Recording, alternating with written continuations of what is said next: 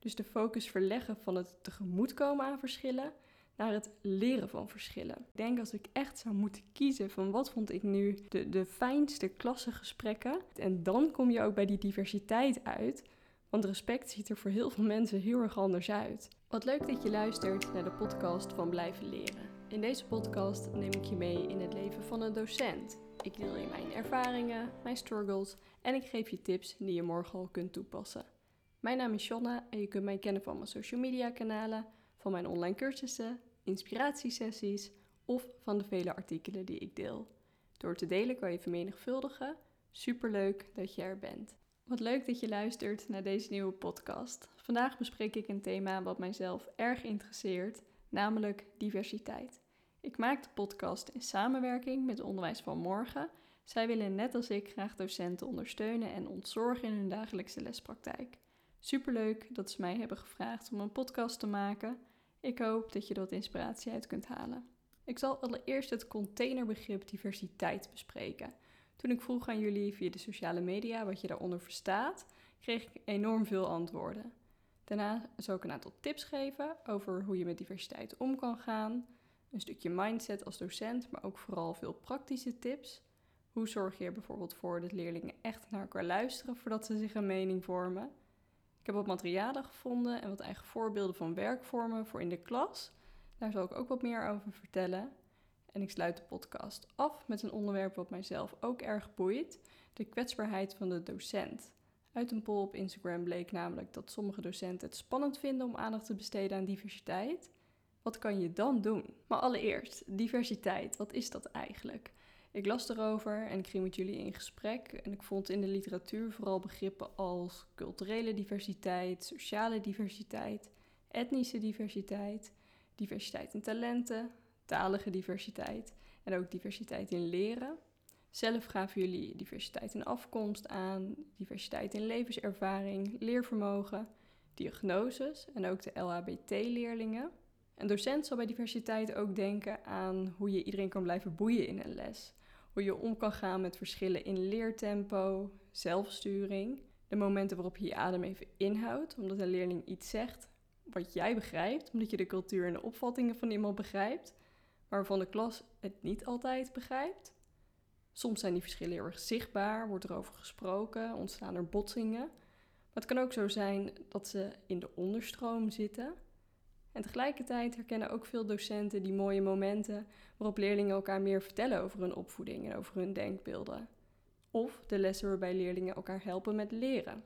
Wie mij een beetje kent weet dat ik al die verschillende sociale interacties met alles wat erbij komt kijken, uitdagingen, maar ook zeker kansen, eh, dat ik dat super interessant vind. Vandaar dat het thema diversiteit mij erg interesseert. En ja, hoe ga je daar dan eigenlijk mee om? Diversiteit.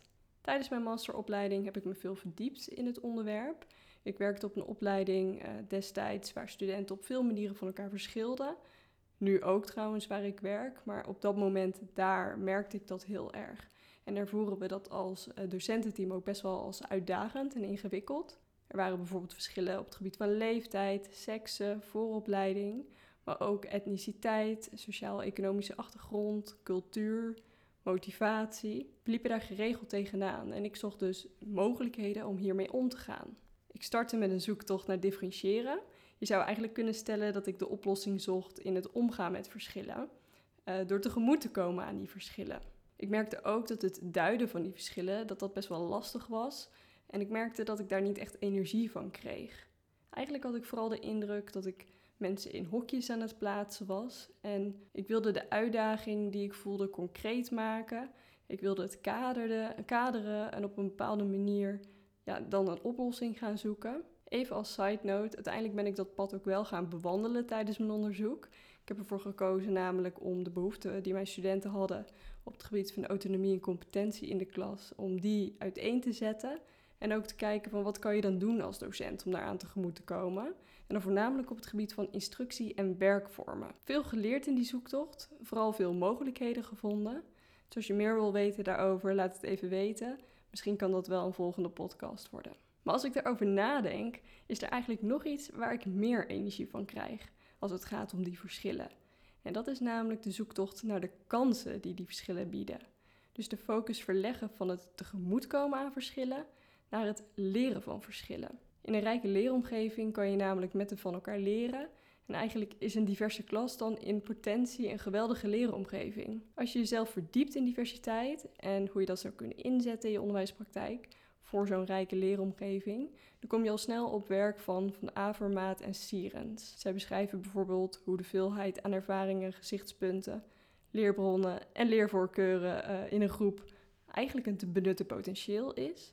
Ze geven aan dat dialoog, reflectie en multiperspectiviteit doelen zijn van diepgaand leren. En als je daar dus op inzet, verhoog je eigenlijk de leerkansen van lerenden. En ook die van groepen met een lage sociale status. Het gaat er dus in zo'n leeromgeving om dat je leert voor en leert in diversiteit. Ik word daar meteen enthousiast van. Ik geniet erg van klassengesprekken, ik geniet van dialoog. Ehm, maar ik snap de vraag ook wel die veel gesteld wordt: hoe je ervoor zorgt dat leerlingen dan goed naar elkaar luisteren. Hoe zorg je ervoor dat de verschillen benut worden en dat dat kansen zijn eigenlijk voor leerlingen om te leren. Straks deel ik wat tips in het klaslokaal, maar eerst even wat anders. Omgaan met diversiteit vraagt om een diversiteitsbeleid. En ik kwam vijf doelstellingen tegen die je in je beleid zou kunnen laten terugkomen. Dus ik dacht, ik noem ze even en, en misschien is het goed om dat even op te schrijven als je hier echt serieus mee aan de slag wil binnen je eigen organisatie.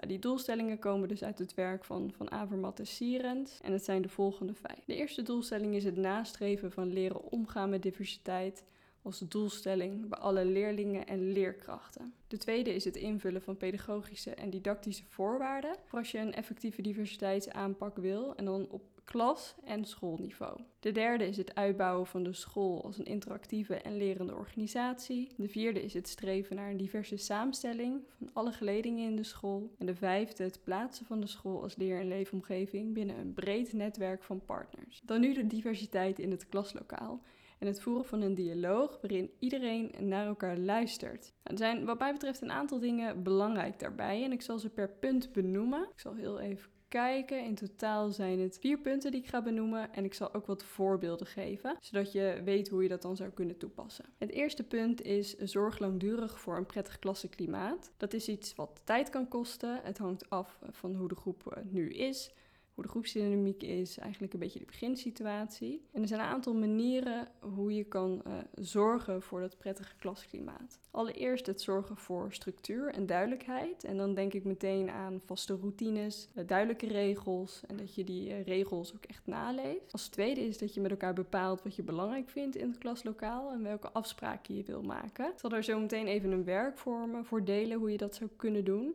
Eigenlijk is het werkensmechanisme daarvan dat je samen nadenkt over die klassennormen en die klassenwaarden. En je kan elkaar dan ook aanspreken. Tevens vind ik mooi als je dat gaat doen, dat je eigenlijk al een beginnetje maakt aan het omgaan met uh, diversiteit en het leren daarvan omdat je eigenlijk het uh, gesprek daarover stimuleert. Als derde is het goed om ruimte voor informele gesprekken en gezelligheid te creëren. Ja, docenten zijn nog wel eens geneigd om lessen flink vol te proppen, zeker nu ook met het fysieke en het afstandsleren. Als je elkaar dan ziet op school, dan wil je die lestijd effectief benutten. Maar zorg er ook voor dat er ruimte is voor zelfstandig contact leggen met elkaar. Elkaar een beetje beter leren kennen. Je kan dat ook een beetje sturen door teambuildingsactiviteiten te doen, waar ook gezelligheid belangrijkbaar is. En heb daarbij ook oog voor die leerlingen die dat moeilijk vinden. Toevallig heb ik zelf ervaring met een eh, student die dat moeilijk vindt. En dat zie ik dan ook gebeuren en dan vraag ik daar ook naar. Eén op één uiteraard. En dan hebben we het daar kort over. Ik geef bevestigingen wat zij goed doet. Ik geef haar soms even een knipoog als ik zie ja, dat ze weer in zo'n situatie komt waarin ze eigenlijk uit de comfortzone moet. Dus heb ook oog voor de studenten die dat soort dingen moeilijk vinden. Laat leerlingen ook structureel met elkaar overleggen of samenwerken en dan vooral ook in verschillende samenstellingen. Zo leer je elkaar beter kennen, kan je van elkaar leren en dan wordt de stap minder groot eh, dan wanneer je elkaar nooit spreekt als je het wil gaan hebben over verschillen in de klas. En als laatste, als het gaat om dat fijne klassenklimaat, uh, zorg dat je zelf ook een goed voorbeeld bent. Laat zien dat je interesse hebt in iedereen en hoe je in de ander kan verdiepen. Bijvoorbeeld tijdens van die klassikale interacties. Stel eens een vraag of vertel wat je onlangs geleerd hebt. Als tweede, geef leerlingen denktijd bij dialogen. Dus op het moment dat je een dialoog wil uh, beginnen, zorg er dan voor dat ze eerst hun eigen antwoord kunnen opschrijven op post-its. En dat ze die dan bijvoorbeeld later in een groepje gaan categoriseren. Als derde gebruik werkvormen voor een dialoog waarbij iedereen verbaal en of non-verbaal kan meedoen. Soms is het hardop praten over een onderwerp gewoon heel erg spannend. Maar meedoen betekent niet altijd dat je wat moet zeggen. Dus wat kan je bijvoorbeeld non-verbaal doen? Denk aan werkvormen als loop naar de andere kant als. Of een werkvorm waarbij je op de grond de nummers 1 tot en met 10 neerlegt. En dat ze dan bij een bepaald nummer moeten gaan staan bij een stelling. Zelf heb ik dat uh, ook een keer gedaan. En toen was een vraag bijvoorbeeld of een stelling was: uh, ga bij het cijfer staan dat omschrijft hoe trots jij bent op jouw etniciteit. Of ga bij het cijfer staan dat omschrijft hoe goed jij jezelf uh, kunt zijn naar jouw idee in deze klas. Uiteindelijk moeten die stellingen aanpassen en aansluiten bij de veiligheid van de groep. En je moet ze een beetje laten oplopen. Om meteen uh, zo inhoudelijke vragen te stellen, dat is best wel spannend. Goed om te weten, ik uh, doe niet zomaar zo'n werkvorm. Ik leg bijvoorbeeld eerst uit wat een comfortzone is. Hoe spannend het is om uit die comfortzone te gaan stappen. Dat je altijd zelf mag besluiten in hoeverre je dat wil doen. In hoeverre je die zone wil oprekken. Of dat je denkt, nou, dit is voor mij gewoon paniek. En dan mag je er bijvoorbeeld voor kiezen om iets niet te delen of om minder te delen. En ik zeg altijd, je hoeft geen antwoord te geven of toe te lichten waarom je op een bepaalde plek staat. En dat vinden studenten ook prettig. Dus non-verbaal kunnen ze heel veel communiceren en later zullen er vast wel wat gesprekjes over ontstaan. Maar op dat moment hoeven ze niet zoveel van mij te delen. En als je dan een dialoog gaat uh, voeren, spreek dan regels af. Bijvoorbeeld dat één iemand per keer aan het woord is of dat je alleen praat met een talking stick. Uh, mijn ervaring is wel dat die talking stick dan soms een beetje een drempel kan zijn. Maar dat is uh, voor elke groep misschien ook weer anders. Anderen vinden dat misschien wel weer heel prettig. Ik kies dus graag voor die stille dialogen.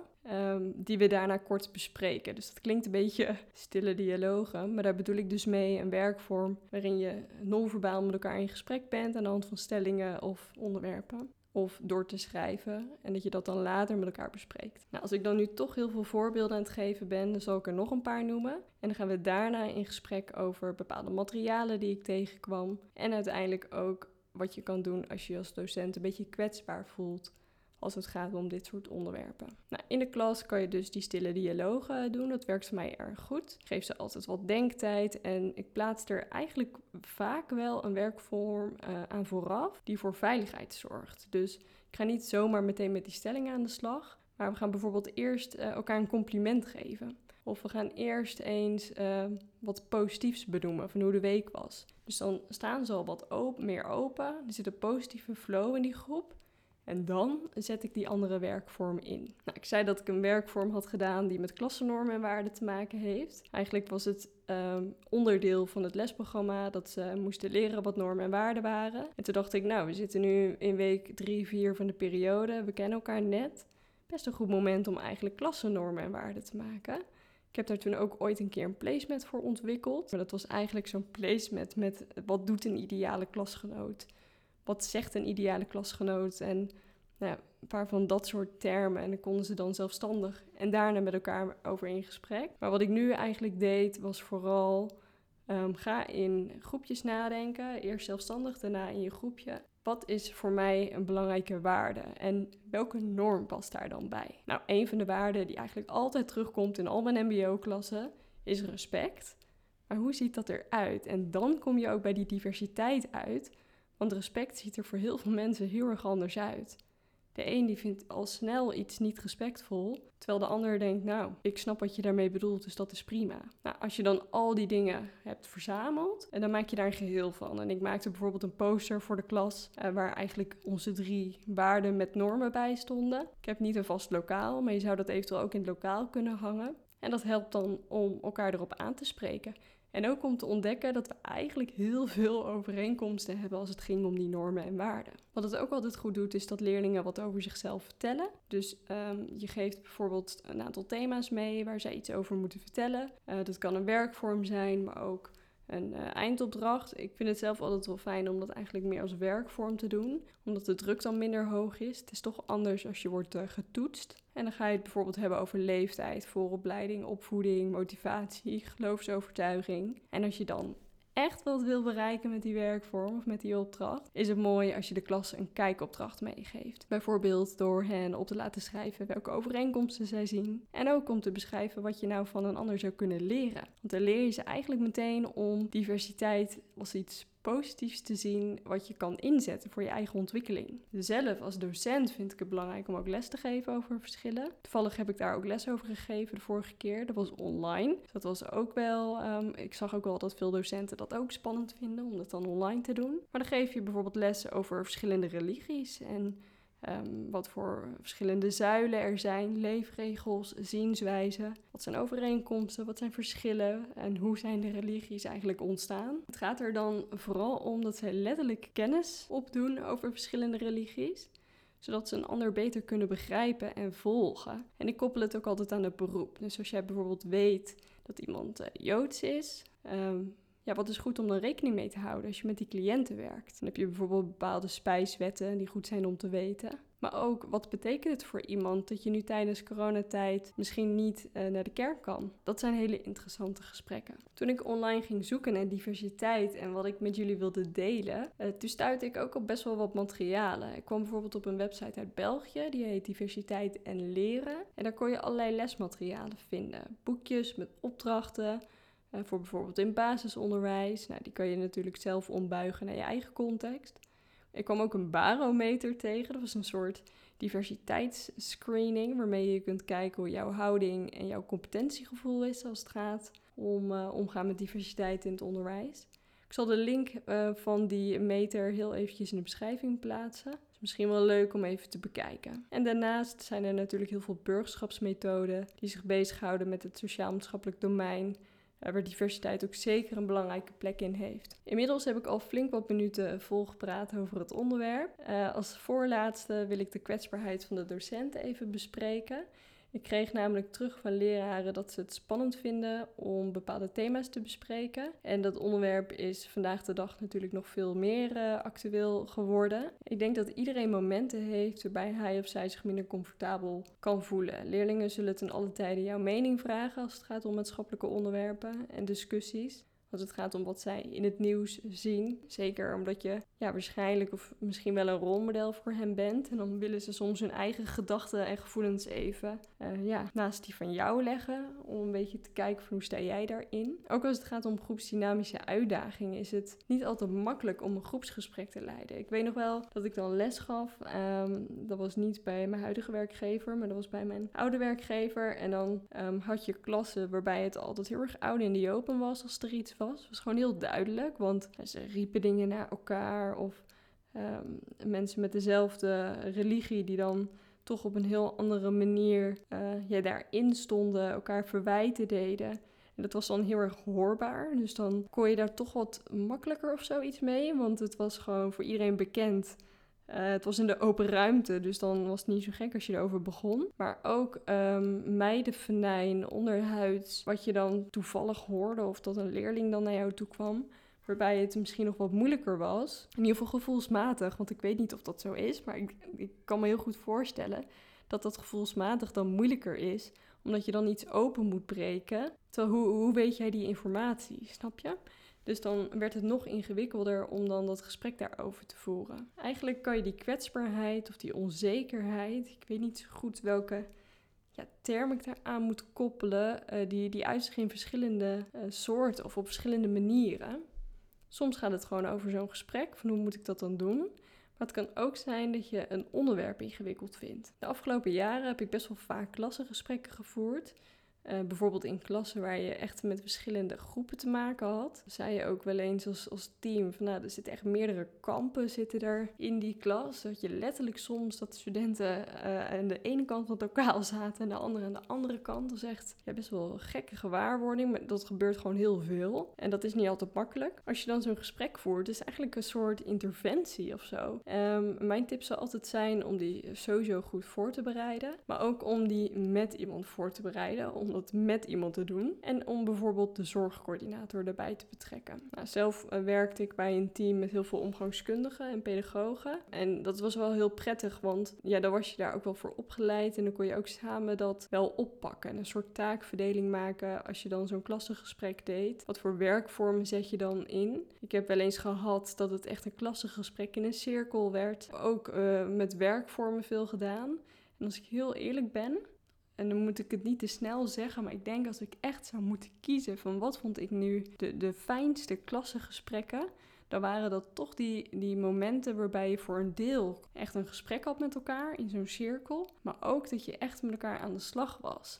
Dat je echt na ging denken over hoe zit het hier in die groep. Dat je daar een soort werkvorm voor had in groepjes. En dat je dan iets concreets hebt aan het einde. Zoals bijvoorbeeld van die groepsafspraken. En je moet eigenlijk dan zo'n sessie zien als een soort sessie waar een zaadje geplant wordt. Maar daar moet je mee aan de slag blijven gaan. Dus je moet eigenlijk een paar weken daarna kijken van hoe gaat het nu tussentijds. Mensen feedback geven als ze zich weer misdragen of als dingen niet goed gaan. Als ze zich niet aan die gezamenlijke afspraken houden. Maar heel vaak is het fijn om zulke gesprekken en interventies met een collega te doen. En ik weet ook dat als het echt een ingewikkelde situatie was, dat het goed kan zijn om echt een expert daarvoor in te vliegen die met je meedenkt. Maar realiseer je wel, daarna moeten jullie er als team wat mee doen. Dus zorg dat je daar ook toe in staat bent. En als het gaat om onderwerpen bespreken die je moeilijk vindt, dan zou mijn boodschap altijd zijn: um, geef aan dat je het lastig vindt.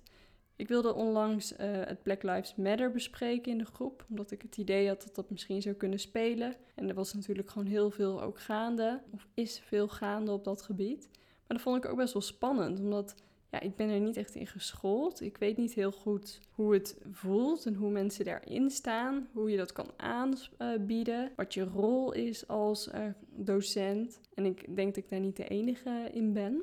Dus ik legde ook uit dat ik het moeilijk vind en dat ik graag meer wil leren. Dus ik ben ook uh, ja, een soort webinar of scholing gaan volgen over het thema. En ik vroeg toen dus vooral aan mijn studenten of zij zelf racisme beleven, uh, hoe ze dat dan beleven, of ze er wat over willen vertellen.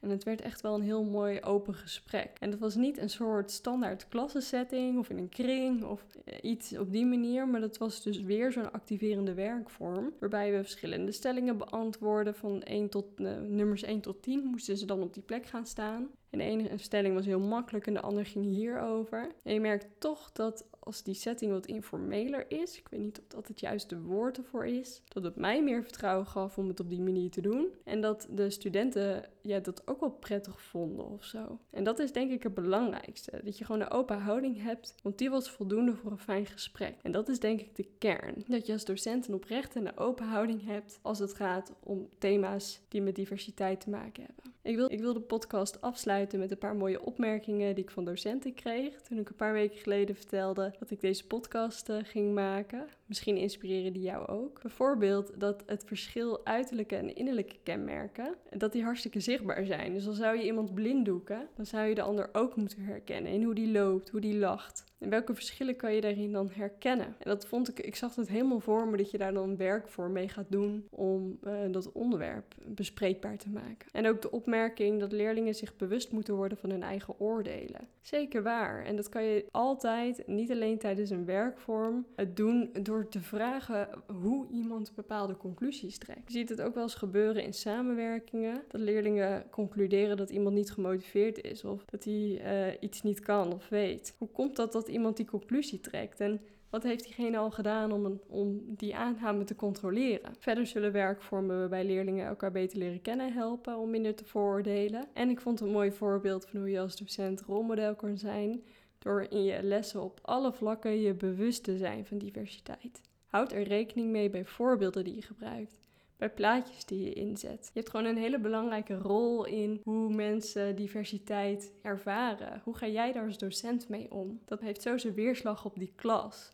Dus als jij laat zien dat je heel veel kan leren van verschillen, dat het zo een rijke leeromgeving wordt, dan label je het op een positieve manier. Ik hoop dat je dit een boeiende podcast vond. Ik zou het super leuk vinden als je hem wilt delen met collega's of bijvoorbeeld op sociale media zoals Instagram, Facebook en eh, LinkedIn. Zo kunnen nog veel meer mensen de podcast uh, ontdekken. Bij Blijven Leren hoop ik leraren te ondersteunen en te ontzorgen in hun dagelijkse lespraktijk. En ik hoop dat deze podcast daar ook een beetje aan bijgedragen heeft. Ik zie jullie graag bij de volgende.